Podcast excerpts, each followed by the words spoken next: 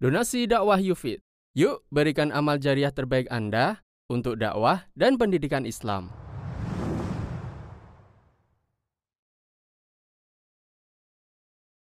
Bismillahirrahmanirrahim. Assalamualaikum warahmatullahi wabarakatuh. Alhamdulillah rabbil alamin. Wabihi nasta'inu ala umri dunya wad din. وصلى الله على نبينا وسيدنا محمد وعلى آله وصحبه أجمعين أما بعد Kita panjatkan puja dan puji syukur kehadirat Allah Subhanahu wa taala. Pada kesempatan malam yang berbahagia kali ini tanggal 3 Zulqa'dah 1440 Hijriah atau bertepatan dengan tanggal 5 Juli 2019 kita masih kembali diberi kekuatan, kesehatan, hidayah serta taufik dari Allah Jalla wa Ala. Sehingga kita bisa kembali menghadiri pengajian rutin adab dan akhlak di dalam Islam yang kita ambil dari kitabul jami' dari kitab bulughul maram yang ditulis oleh Imam Ibnu Hajar Al-Asqalani rahimahullah Semoga Allah Subhanahu wa taala berkenan untuk melimpahkan kepada kita semuanya ilmu yang bermanfaat sehingga bisa kita amalkan sebagai bekal untuk menghadap kepada Allah Jalla wa ala. Amin. Salawat dan salam semoga senantiasa tercurahkan kepada junjungan kita Nabi Agung Muhammad sallallahu alaihi wasallam kepada keluarganya, sahabatnya dan umatnya yang setia mengikuti tuntunannya hingga akhir nanti. Para hadirin dan hadirat sekalian yang kami hormati dan juga segenap pendengar Radio Insani 88.8 FM Purbalingga, Purwokerto, Banjarnegara, Cilacap, Wonosobo, Kebumen dan sekitarnya serta para pemirsa UV TV dan Niaga TV yang mudah-mudahan senantiasa dirahmati oleh Allah Azza wa Jal. Alhamdulillah malam hari ini kita bisa mengawali kembali kajian rutin kita setelah libur cukup panjang dan hadis yang kita pelajari saat itu terakhir adalah hadis nomor 32. Malam hari ini kita akan berpindah ke hadis yang baru yaitu hadis nomor 33. Apa bunyi hadis tersebut? Wa an Ibnu Umar radhiyallahu anhuma qala dari seorang sahabat Nabi sallallahu alaihi wasallam yaitu Ibnu Umar Siapa nama sahabatnya? Ibnu Umar. Nama lengkapnya Abdullah Ibnu Umar. Semoga Allah meridhai beliau berdua. Qala beliau berkata, akhadha Rasulullah sallallahu alaihi wasallam bimankibayya. Pada suatu hari Rasulullah sallallahu alaihi wasallam merangkul pundakku. Pundaknya siapa? Ibnu Umar. Nabi sallallahu alaihi wasallam merangkul pundaknya Ibnu Umar faqala sembari beliau bersabda. Merangkul sambil menyampaikan sabdanya. Kun fid dunya ka'annaka gharib. Tinggallah di dunia seperti orang asing. Nanti kita akan jelaskan apa maksudnya tinggallah di dunia seperti orang asing. Au abiru sabilin. Atau seperti orang yang numpang lewat. Tinggallah di dunia seperti orang asing atau orang yang numpang lewat. Wa kana ibnu umar yaqul dan setelah itu Ibnu Umar radhiyallahu anhu biasa memberi nasihat kepada orang lain. Idza amsayta fala tantadhiris sabah. Kalau engkau masuk waktu sore enggak usah nunggu pagi. Wa idza asbahta fala tantadhiril masa. Kalau engkau menjumpai waktu pagi enggak usah nunggu sore wa khudh min sihhatika lisaqamika manfaatkan waktu sehatmu sebelum datang sakitmu. Wa min hayatika li mautik. Dan manfaatkan umurmu semasa masih hidup sebelum datang kematianmu. Akhrajahul Bukhari hadis riwayat Bukhari. Ini adalah hadis yang luar biasa yang mengajarkan bagaimana seharusnya seorang muslim itu punya pola hidup di dunia ini dan seandainya ini kita terapkan luar biasa kehidupan kita akan terasa nyaman sekali.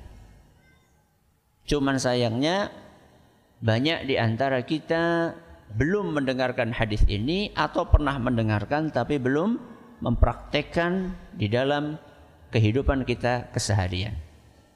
Orang yang punya pola hidup seperti ini dia tidak akan stres. Seberat apa pun ujian yang dia hadapi saat di dunia. Entah itu ujian ekonomi, entah itu ujian pekerjaan, entah itu ujian teman, entah itu ujian ini, itu dan sebagainya. Kalau dia punya prinsip yang satu ini.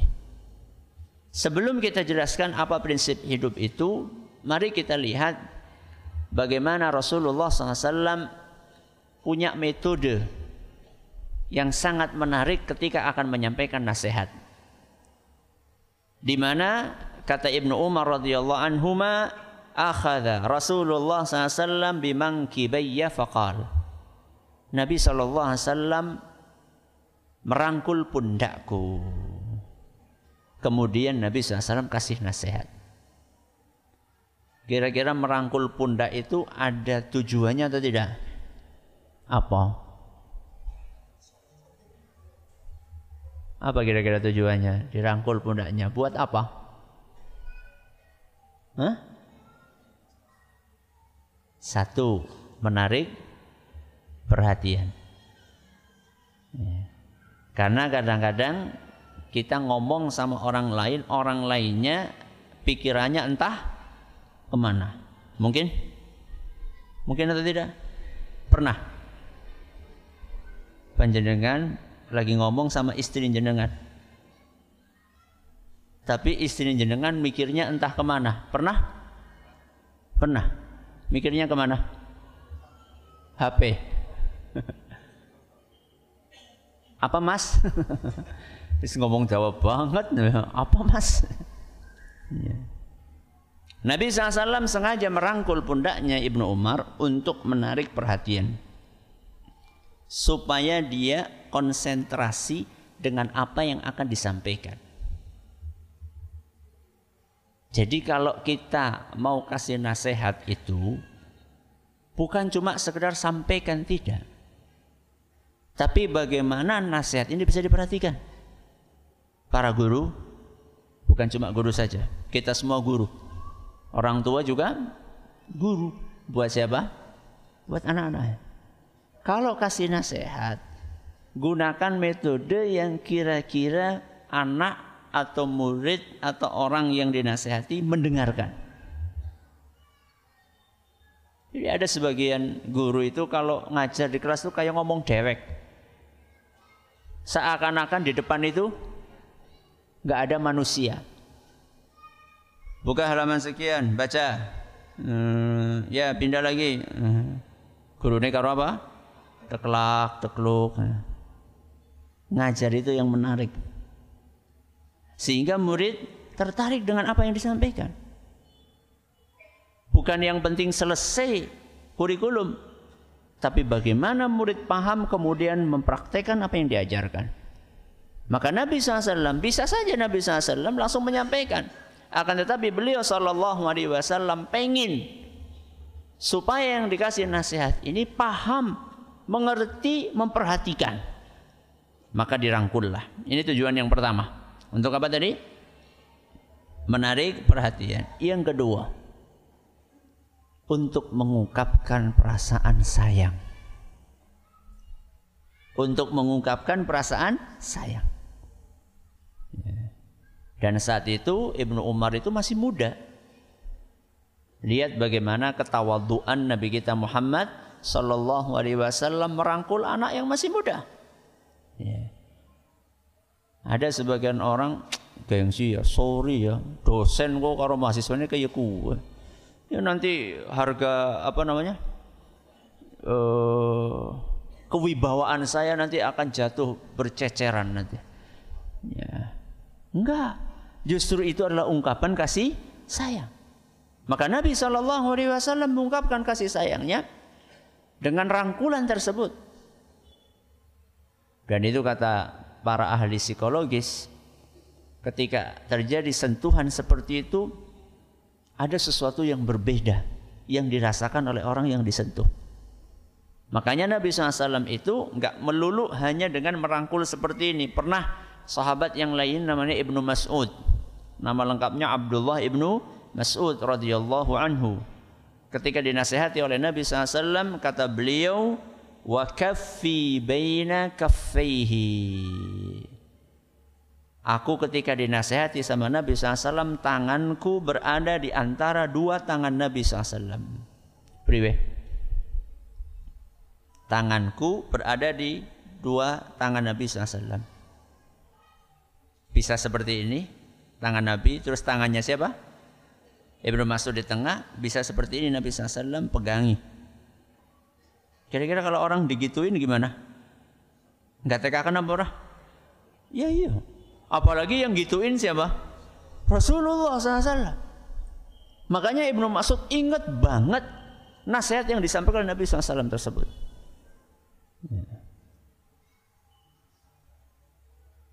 Inilah metode Nabi dalam menyampaikan nasihat. Nah, baru sekarang kita masuk kepada inti pembahasan kita hari ini. Dan ini tidak mungkin kita bahas semuanya, apalagi perkataan Ibnu Umar tadi cukup panjang. Perkataan Ibnu Umar di akhir hadis kita akan jelaskan nanti di pertemuan yang akan datang insya Allah. Kita akan sampaikan perkataan Nabi SAW. Beliau berkata, Kun fid dunya ka'annaka gharib. Hiduplah di dunia seperti orang asing au abiru sabirin atau orang yang numpang lewat. Di sini ada kata atau. Berarti Nabi memberikan berapa perumpamaan? Berapa perumpamaan? Dua. Yang pertama adalah orang asing, perumpamaan seperti orang asing. Yang kedua, perumpamaan seperti orang lewat. Beda atau sama? Beda atau sama? Contoh ya, begini. Pernah ke Jogja? Pernah. Berapa hari? Tergantung. Kadang tiga hari, kadang seminggu. Kalau kuliah berapa hari? Satu semester. Pulang lagi gitu kan ya. Ketika jenengan tinggal di Jogja, padahal tempat jenengan itu di Purwokerto, lahirnya di Purwokerto, kemudian ada keperluan di mana? Di Jogja. Tinggalnya jenengan di Jogja itu sebagai orang asing. Kampung halamannya mana? Purwokerto. Ini perumpamaan yang pertama hiduplah di dunia bagaikan orang asing. Yang kedua, orang numpang lewat. Jenengan dari Purwokerto ke Jogja, naik apa? Naik bis, naik mobil, naik motor, masya Allah. Ya. Naik kereta. Apakah di tengah jalan mampir? Mampir. Kalau kereta berarti mampir sebentar di mana? Stasiun. Prokerto, uh, Jogja. Stasiunnya mana aja? Roya, Purworejo, ya tergantung sepur apa. Ekonomi apa eksekutif? Ekonomi ya monggo. ya ngalahan ekonomi itu. mampir, mampir, mampir, mampir. Kalau jenengan pakai mobil pribadi, mampir di mana? Rest area, pom bensin. Kalau jenengan pakai bis juga sama, mampir di terminal sebentar, lewat. Ketika jenengan lewat terminal itu namanya numpang lewat. Ketika jenengan lewat stasiun itu namanya numpang lewat. Berarti Ketika jenengan lewat rest area, berarti jenengan itu sedang numpang lewat. Hiduplah di dunia seperti orang asing atau orang yang numpang lewat. Saya tanya sama tuh. Orang asing sama numpang lewat, sama atau tidak? Sama atau tidak? Beda. Minimal kita hidup di dunia itu jadilah seperti orang asing. Syukur-syukur bisa seperti orang yang numpang lewat. Berarti levelnya tinggi yang mana? Yang numpang lewat. Jadi penggunaan kata au atau di dalam hadis ini adalah untuk berpindah dari level pertama menuju ke level yang lebih tinggi.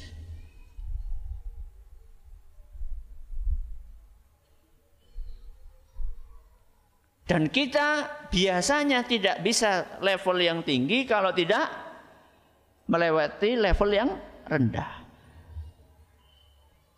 Bagaimana penjabarannya? Saya tanya sama jenengan. Kalau misalnya jenengan ada kebutuhan tiga hari di Jogja. Dan kita sudah berencana bahkan sudah beli tiket setelah tiga hari sudah beli tiket bakalan pulang lagi ke Purwokerto. Apakah yo kira-kira jenengan itu di Jogja terus beli pasir, beli bata, beli semen untuk bikin apa? Rumah di situ? Iya atau tidak? Tidak. Kenapa? Karena kita sudah punya rumah yang abadi. Maaf, kita sudah punya rumah sendiri di kampung halaman. Itulah level yang terendah seharusnya seorang muslim hidup di dunia. Orang yang beriman hidup di dunia itu cuma sekedar seperti orang tinggal sementara. Tiga hari, seminggu, satu semester. Setelah itu akan pulang. Pulang ke mana? Pulang ke kampung halaman abadinya. Di mana?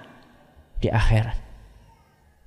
Makanya para nabi alaihi musallatu wassalam dan para pengikutnya apa pesan mereka pesan mereka ya qaumi innama hadhil hayatud dunya mata' wahai kaumku sesungguhnya kehidupan kalian di dunia ini adalah kesenangan yang sifatnya sementara. Kita hidup di dunia ini cuma sementara. 60 tahun masa sementara? Sementara atau sementahun 60 tahun itu sementara atau sementahun? Sementara. Walaupun 60 tahun. Kalau kayak umatnya Nabi Nuh yang umurnya sampai 1000 tahun itu sementara apa sementahun? Hah? Sementara. Dibandingkan kehidupan di akhirat. Wa inna yawman 'inda rabbika ka alfi sanatin mimma. Allah sampaikan dalam Al-Quran, kehidupan kalian di dunia seribu tahun sama dengan satu hari di akhirat. Berarti sementara atau sementahun? Sementara. Yang umurnya seribu tahun saja itu seperti satu hari, apalagi yang umurnya 60 tahun. Jenengan umurnya berapa? Ya wallahu alam. Mungkin ada yang 30 tahun. Jadi sisa ngalikur siap-siap ya. Enggak tahu kita. Ada yang 30 tahun, ada yang 40 tahun, ada yang 60 tahun. Nabi SAW katakan umur umatku antara 60 sampai 70 sedikit yang lewat dari itu, sedikit. Berarti kalau jenengan di sini ada yang umurnya di atas 70 tahun itu manusia manusia langka. Wonten? Panjenengan itu manusia langka. Rata-rata kita itu 60 70 tahun dan itu sementara. Makanya pesan dari uh, pesan Allah dalam Al-Qur'an ya qaumi innama hadhil hayatud dunya mata. Wahai kaumku sesungguhnya kehidupan kalian di dunia itu adalah kesenangan yang sifatnya sementara wa innal akhirata hiya darul qarar. Adapun kehidupan di akhirat itulah negeri yang kekal. Al-Quran surat Ghafir ayat 39. Maka kalau kita ditanya mana rumah kita yang hakiki, tempatnya adalah di akhirat. Ya. Aplikasinya dalam kehidupan bagaimana? Aplikasinya kita selalu ingatnya adalah akhirat karena itulah kampung halaman kita yang hakiki. Jenengan ketika tiga hari di mana? Di Jogja. Ingat nggak sama Purwokerto? Orang kemudian Ingat atau tidak? Ingat. Walaupun kita tinggalnya di hotel. fasilitas full lengkap. Tiga hari tiga malam. Nggak perlu masak nggak perlu nyuci. Ada laundry. Masak sudah tinggal pilih.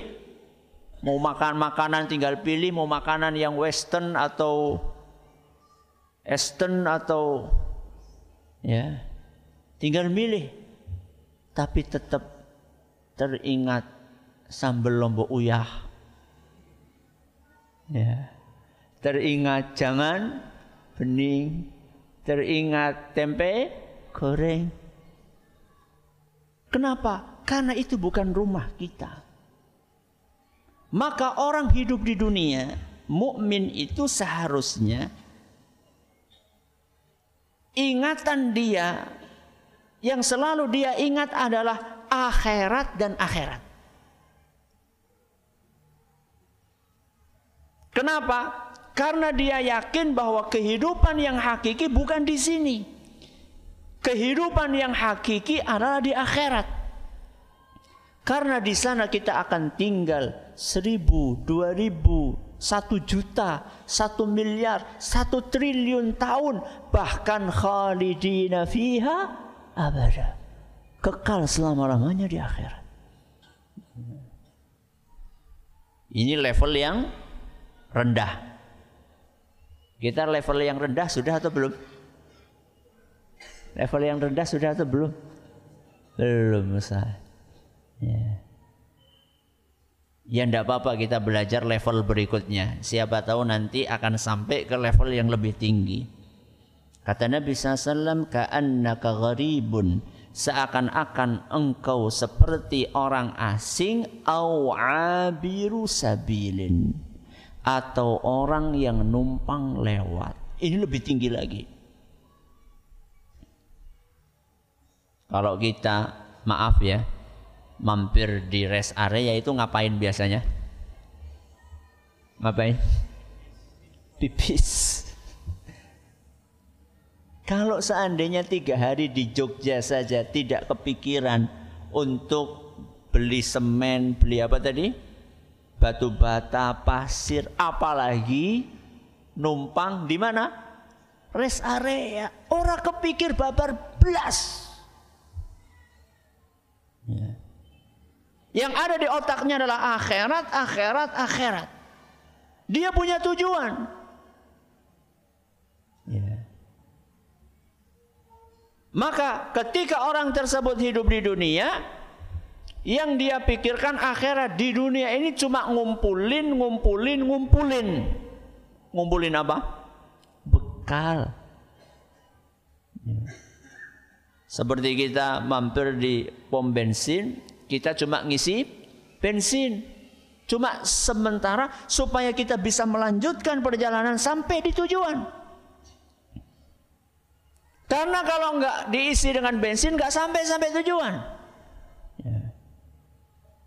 Maka orang yang beriman ketika di dunia ini dia numpang lewat untuk ngumpulin bekal sebanyak-banyaknya supaya nanti di akhirat dia bisa menikmati apa yang sudah dia kumpulkan tersebut. Makanya Allah kan selalu berpesan untuk mengumpulkan bekal. Apa firman Allah? Watazawwadu. Watazawwadu. Artinya kumpulkanlah bekal. Fa inna khairazadit taqwa sebaik-baik bekal, bekal yang paling istimewa adalah takwa. Berarti kita dianjurkan oleh Nabi SAW untuk bersikap seperti apa yang pertama? Orang asing. Yang kedua, orang yang numpang lewat. Jadi kita sudah sampaikan, kalau kita orang asing itu nggak mungkin kita itu mikirin bangun rumah, ya, apalagi bikin rumah yang mewah. Pertanyaannya, apakah artinya di dunia ini kita nggak boleh punya rumah? Hah? Ya atau tidak? Tidak atau iya? Katanya mau mempraktekkan hadis Nabi SAW. Bikin rumah atau tidak? Bikin. Bikin. Buktinya? Buktinya? Rasulullah SAW punya rumah. Apakah artinya karena kita cuma numpang lewat nggak kerja? Kerja apa tidak? Kerja. Buktinya Rasulullah SAW juga kerja. Tapi bekerjanya untuk apa? Bikin rumahnya untuk apa? Itu yang membedakan antara orang yang beriman dengan yang tidak beriman. Salah satu kata-kata mutiara yang disampaikan oleh Buya Hamka rahimahullahu taala kalau seandainya engkau bekerja sekedar untuk bekerja, maka kerbau pun di sawah juga bekerja. Apa kata beliau? Kalau engkau bekerja sekedar untuk bekerja, maka kerbau pun di sawah juga bekerja. Kalau engkau hidup sekedar untuk hidup, maka sesungguhnya monyet pun di hutan juga hidup. Nun sewu. Ada nggak di antara kita yang mau dikatain kaya kebo kayak monyet? Ada? Nggak ada. Walaupun katanya monyet itu salah satu hewan yang paling mirip dengan manusia katanya loh. Bahkan ada yang meyakini bahwa monyet adalah nenek moyangnya dia bukan kita. Eh, sorry lah. dia bukan kita. Walaupun itu dipelajari di mana? Di sekolah. Enggak setiap yang dipelajari sekolah itu benar. Ya. Jadi apa yang kita dapatkan di sekolah itu jangan di telan mentah-mentah. Bismillah. Itu teori dia itu. Ya. Kalau dia meyakini sebut silakan dong. Kita nggak meyakini itu kok. Kita meyakini nenek moyang kita siapa? Nenek moyang ya Hawa. Adam itu kakek moyang.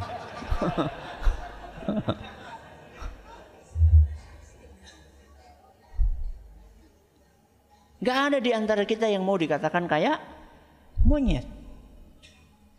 Tapi kenyataannya banyak manusia yang pola hidupnya seperti maaf, seperti monyet. Karena dia bekerja, karena dia hidup hanya untuk hidup.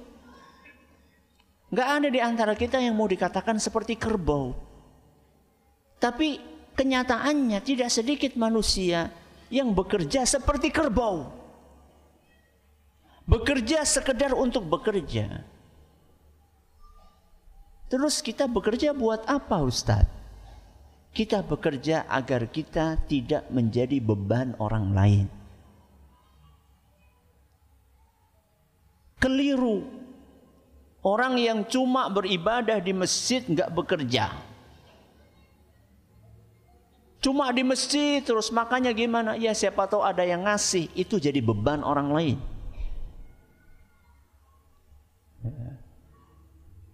Atau bahkan naudzubillah min dzalik jadi pe pengemis. Ya. Walaupun alasannya saya pengen konsentrasi ber, beribadah. Para nabi dan para rasul rata-rata mereka bekerja. Ada yang sebagai tukang kayu. Ya. Ada yang petani, ada yang penggembala dan hampir semua nabi itu pernah menjadi penggembala ma min nabiyyin illa wara'al ghanam. Kata Nabi kita Muhammad SAW dalam hadis yang sahih, seluruh Nabi pernah menggembala kambing, bekerja. Ya. Nabi SAW berdagang. Supaya apa? Supaya tidak jadi beban orang lain. dan makanan yang masuk ke perut kita hasil dari jerih payah sendiri itu adalah makanan yang terbaik.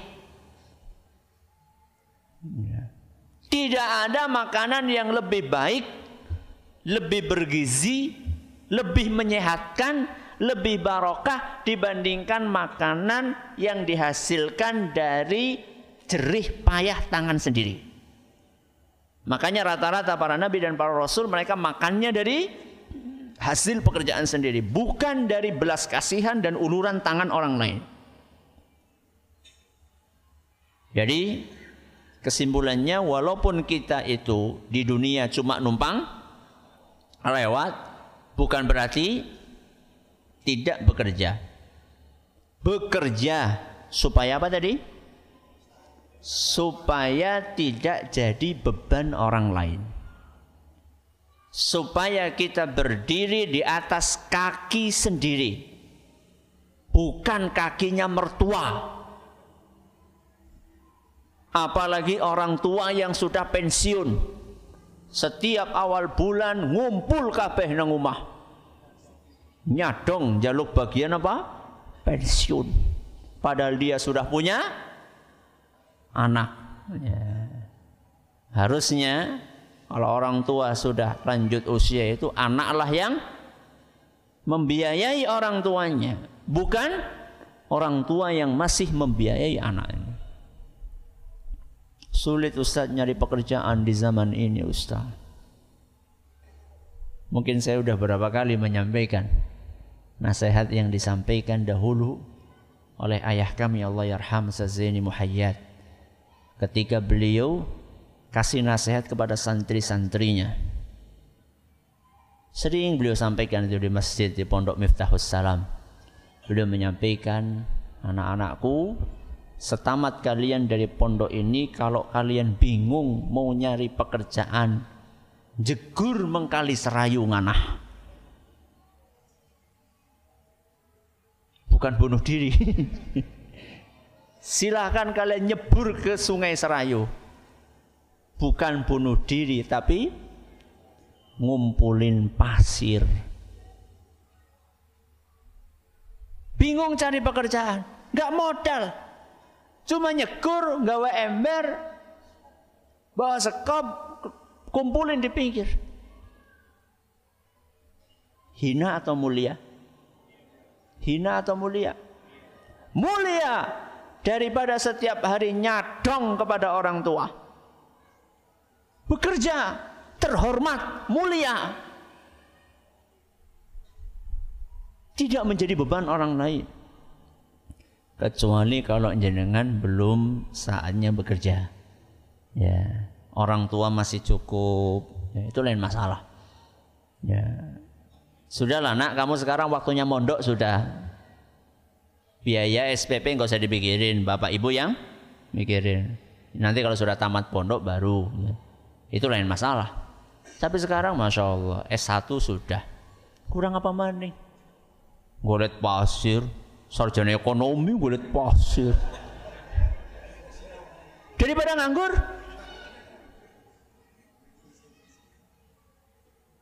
lebih memalukan pengangguran daripada orang yang nyari pasir. Ya. Jadi jangan mentang-mentang, oh ini sarjana ekonomi. Orang juga nggak tahu kok anda itu sarjana ekonomi. Kecuali kalau jenengan ke mana-mana selalu di belakangnya dikasih SE gitu. Ben wong pada ngerti kabeh sarjana apa? Ekonomi. Gak ada yang tahu, siapa yang tahu? Sarjana ekonomi jualan somai gak apa-apa. Cilok ora apa-apa. Yang penting halal. Ya. Jadi bekerja supaya apa tadi? Tidak jadi beban orang lain. Kalau itu tujuannya Ustadz, berarti kita bekerjanya sekedarnya Ustadz. Nggak perlu kita jadi orang kaya banget gitu. Apakah seperti itu maksudnya? Tidak, berarti harus jadi orang kaya. Boleh nggak jadi orang kaya? Boleh. Tapi kekayaannya untuk apa? Ya. Lagi-lagi perbedaannya untuk apa? Orang yang beriman bekerja supaya tidak jadi beban orang lain. Orang yang beriman menjadi orang kaya supaya bisa beramal lebih dibandingkan orang lain.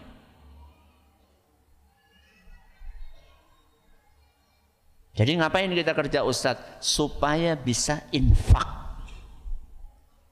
Menarik sekali. Saya baru tadi temukan kisah para sahabat Nabi kita Muhammad sallallahu alaihi wasallam.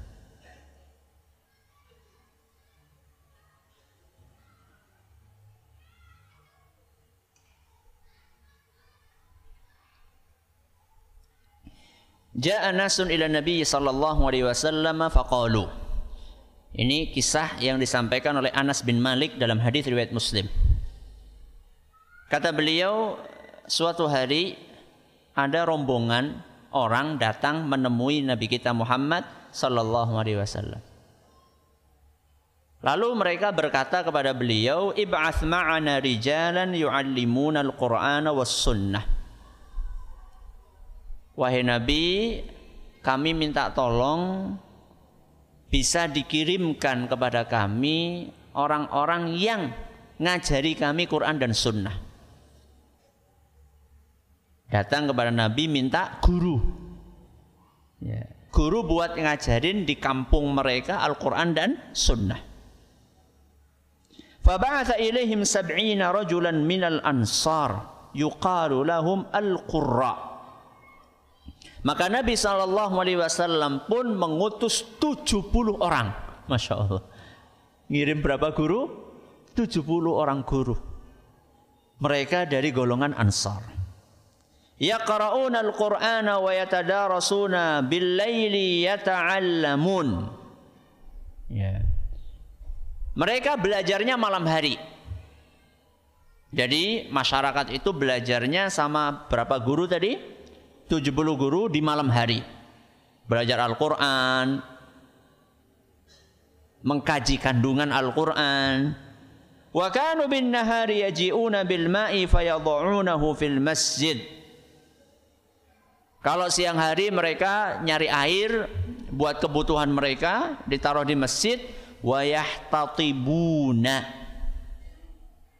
Kalau siang hari 70 orang itu nyari kayu bakar. Malam hari mulang ngaji, siang hari nyari kayu bakar. Fayabi'unahu Kemudian setelah dapat kayu bakar, mereka jual kayu bakar tersebut. Wa yashtaruna bihi li ahli suffati. Dan mereka dapat kayu bakar tersebut dapat duit dari hasil penjualan kayu bakar itu untuk beli makan buat mereka dan untuk infak buat orang-orang fakir. Masya Allah. Jadi kalau misalnya kita disuruh sedekah, terus nggak punya duit, apa yang kita lakukan? Kerja supaya punya duit. Kalau sudah dapat duit, disedekahkan. Loh, si penak temen. Siapa sing penak? Si penak temen, sing penak siapa?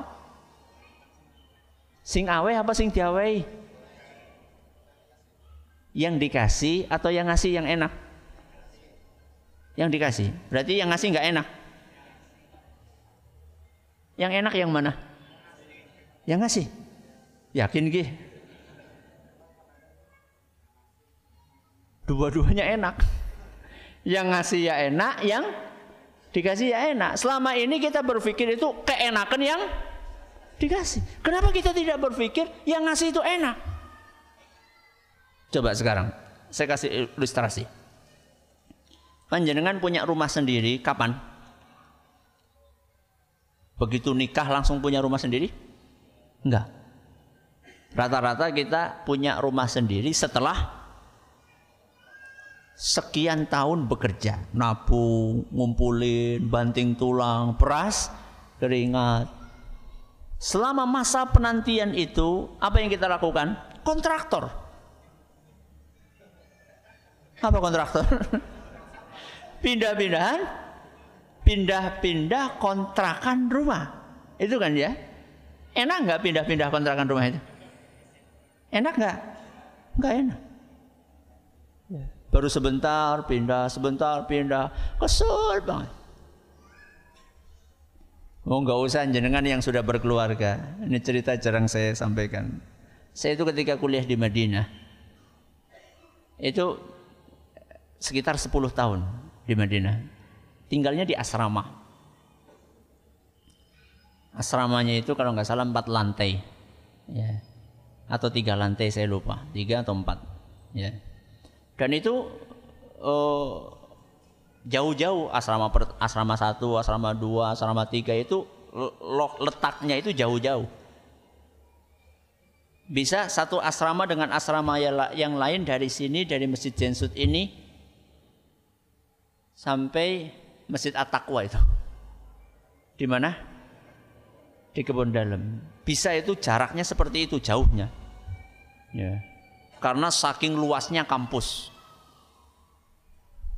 Selama 10 tahun itu saya lupa, mungkin pindah kamar itu sampai lima kali. Kenapa? Karena kamar yang lama, eh, asrama yang lama direhab. Terus suruh pindah. Sampai sana direhab lagi, suruh pindah. Bolak balik pindah. Gak enak sekali. Kenapa? Karena setiap pindah itu bawa buku. Kita lanjutkan ceritanya nanti. Silakan. Udah belum? Belum. Belum.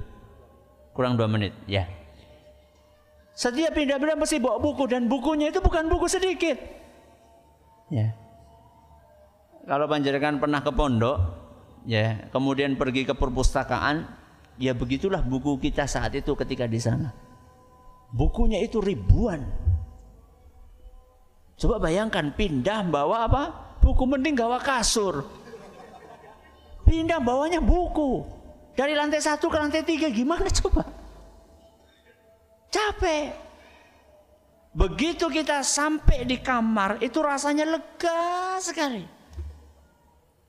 Apa hubungannya sama kontraktor tadi? Nanti insya Allah habis ini. Silakan. Alhamdulillahirrahmanirrahim Assalatu wassalamu ala nabiyina Muhammadin Wa ala alihi wa sahbihi ajma'in. Wa ba'd orang punya rumah sendiri. Setelah ngontrak pindah-pindah.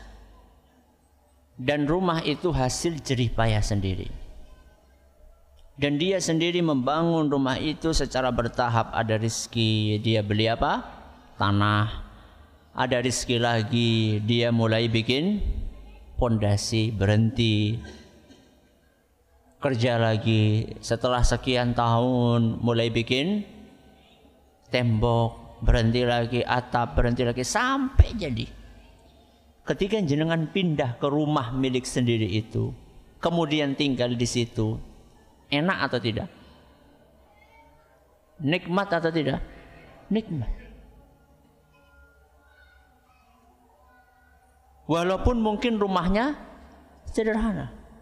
Tidak semewah rumah mertua indah.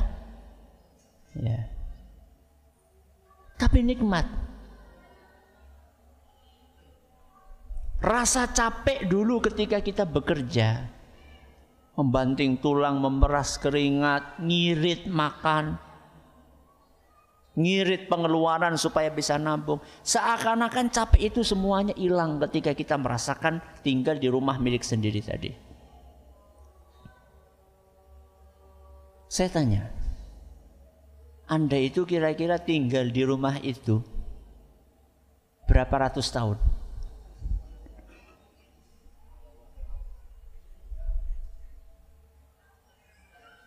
paling ya 20 tahun. Ya. Kita kan kerja mulai jenengan mulai bisa bikin rumah umur berapa? 40 tahun, 50 tahun. Lalu kemudian kasih umur sampai Allah 60 sama Allah 60 70 tahun. Berarti kita tinggal di situ menikmati 20 tahun. Setelah itu sudah orang lain yang akan menikmati. Apakah jenengan tidak ingin menikmati lebih lama hasil dari jerih payah kita bekerja? Pengen atau tidak? Pengen. Kita ini bekerja siang malam, cuma dinikmati selama 20 tahun. Itu kalau sampai 20 tahun. Itu kalau sampai setahun. Ada orang selesai bangun hari ini, ngesuk mati. Orang lagi ndongakaken. Ada orang yang seperti itu. Kisah nyata itu. Rantainya dicarikan marmer. Catnya yang paling top. Belum lagi aksesoris yang ada di dalam rumahnya. Yang ini impor. Yang ini datangkan dari tempat yang jauh. Begitu dia duduk. Ya enak banget ya uh, mati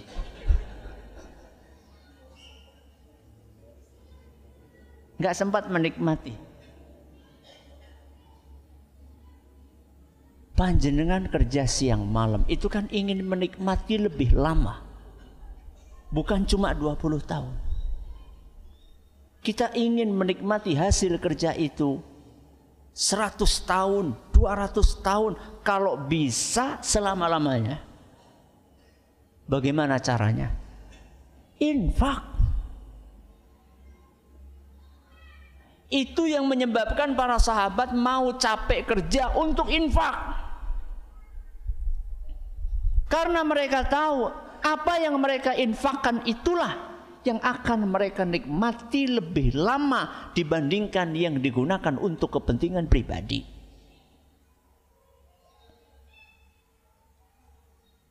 Jadi orang Islam boleh bekerja supaya jadi orang kaya, bahkan orang yang amat sangat kaya sekali. Tapi untuk apa kekayaan tersebut? Untuk kepentingan kaum muslimin, untuk kepentingan agama Islam, untuk membantu orang-orang fakir, orang-orang miskin, untuk bangun masjid, untuk nyumbang pesantren, untuk bikin panti asuhan, Kayak Abdurrahman bin Auf itu loh. Kayak Uthman bin Affan itu loh. Kayak Abu Bakar As-Siddiq itu loh. Sodagar-sodagar kaya yang kekayaannya mereka manfaatkan untuk beramal sebanyak mungkin karena tidak bisa dipungkiri ada amal-amal soleh yang hanya bisa dilakukan oleh orang kaya tidak bisa dilakukan oleh orang miskin atau sulit dilakukan oleh orang miskin. Gak bisa dipungkiri itu. Yeah. Dan itulah yang akan setia menemani kita sampai kita menghadap kepada Allah. Hadis yang disampaikan oleh Nabi SAW, yatba'ul mayyita thalatha. Yang akan menemani mayit sampai ke kuburan itu ada tiga. Yang dua bakalan pulang yang satu itu yang bakalan setia menantinya. Tiga itu adalah harta keluarga amal soleh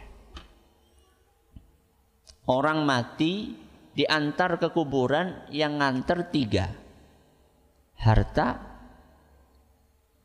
keluarga amal soleh harta yang akan ngantar kuburan.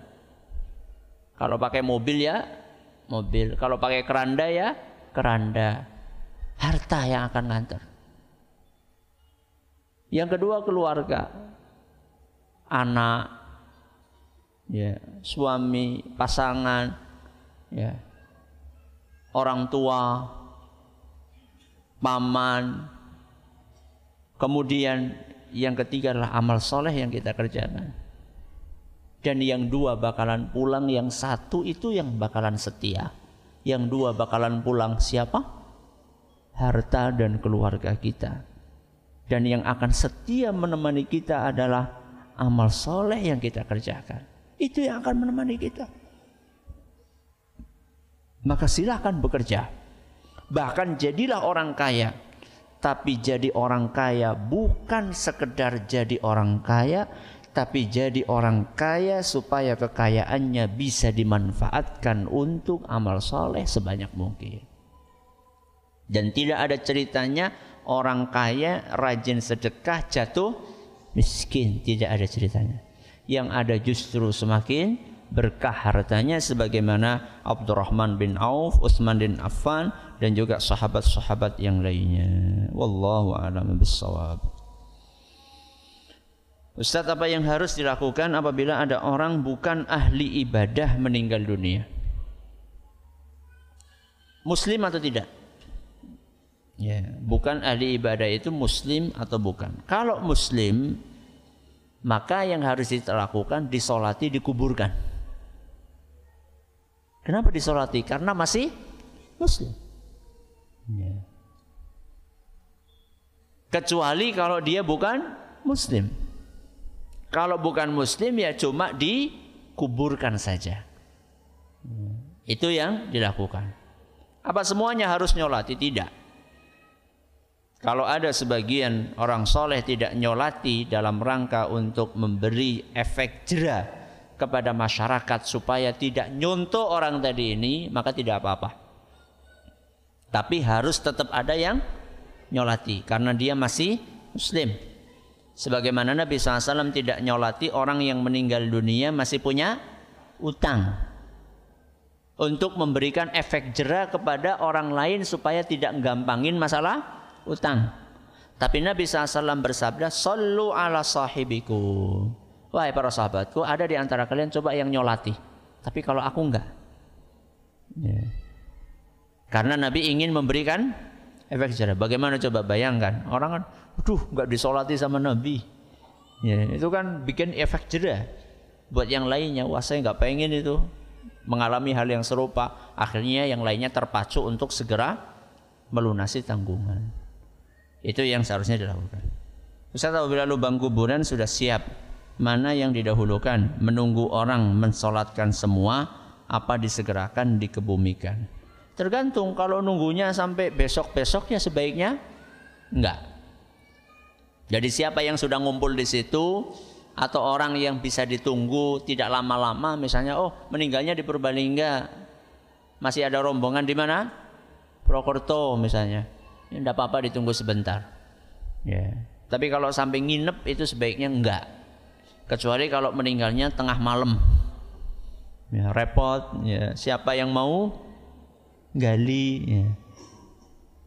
Meninggalnya jam 9 malam. Proses-proses keluar jam 11 malam. Langsung dimakamkan malam itu. Siapa yang mau nyolati siapa yang mau gali? Itu berarti ada maslahat untuk diundur sampai besok tapi kalau misalnya meninggalnya siang sudah sore harinya langsung dimakamkan. Atau meninggalnya sore kalau sudah ada yang nyolati malam harinya langsung dimakamkan tidak apa-apa.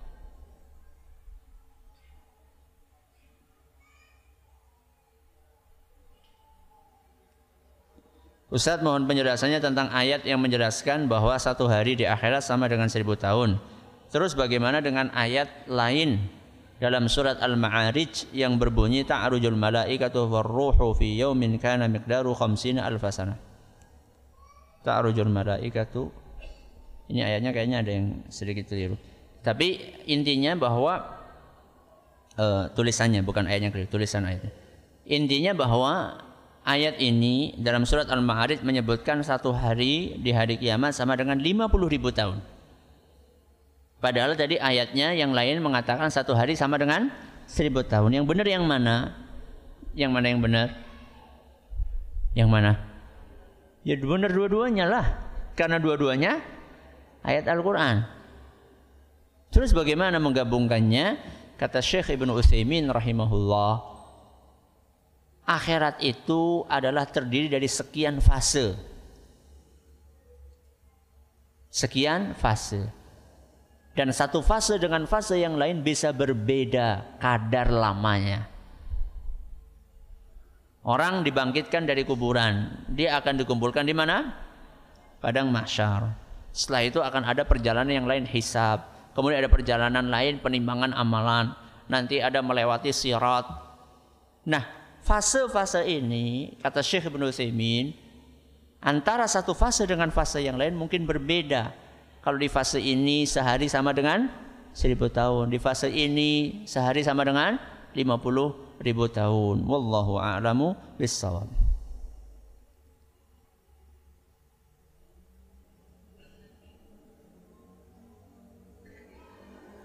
Ustaz apa hukumnya bagi istri apabila dia pergi meninggalkan rumah dan membawa anak-anak untuk tinggal di rumah orang tuanya sendiri dengan alasan ada masalah keluarga dan berniat untuk menceraikan suami. Loh, istri kok menceraikan suami? Ya kewalik. Ya. Apa yang harus suami lakukan untuk dapat mempertahankan pernikahan tersebut dan membawa istri dan anaknya kembali tetapi istri tetap tidak mau kembali ke rumah sendiri dan suami atau ayah tidak boleh menengok anak-anak dengan alasan ibu dari istri tidak membolehkan ayah anak-anak datang. Tolong saya tat. Pertama harus cari tahu sebabnya apa. Ini permasalahan seperti ini itu sulit kalau dijawab di depan umum. Kenapa? Karena harus tahu akar masalahnya itu di mana. Yang punya masalah siapa? Anda atau dia? Atau dua-duanya punya masalah Ya. Kemudian ibu ibu mertua Anda melarang Anda menemui alasannya apa? Ya. Alasannya bisa diterima atau tidak. Jadi intinya nggak bisa dijawab di sini. Ya. Intinya itu adalah uh, konsultasi pribadi. Ya, konsultasi pribadi supaya bisa dicarikan solusi dari masalah yang dihadapi. Wallahu a'lam bishawab. Mudah-mudahan Anda dan semuanya dimudahkan semua urusannya. Terima kasih atas perhatiannya. Mohon atas segala kurangnya kita tutup dengan membaca Subhanakallahumma bihamdika asyhadu an la ilaha illa anta astaghfiruka wa atubu ilaik. Assalamualaikum warahmatullahi wabarakatuh.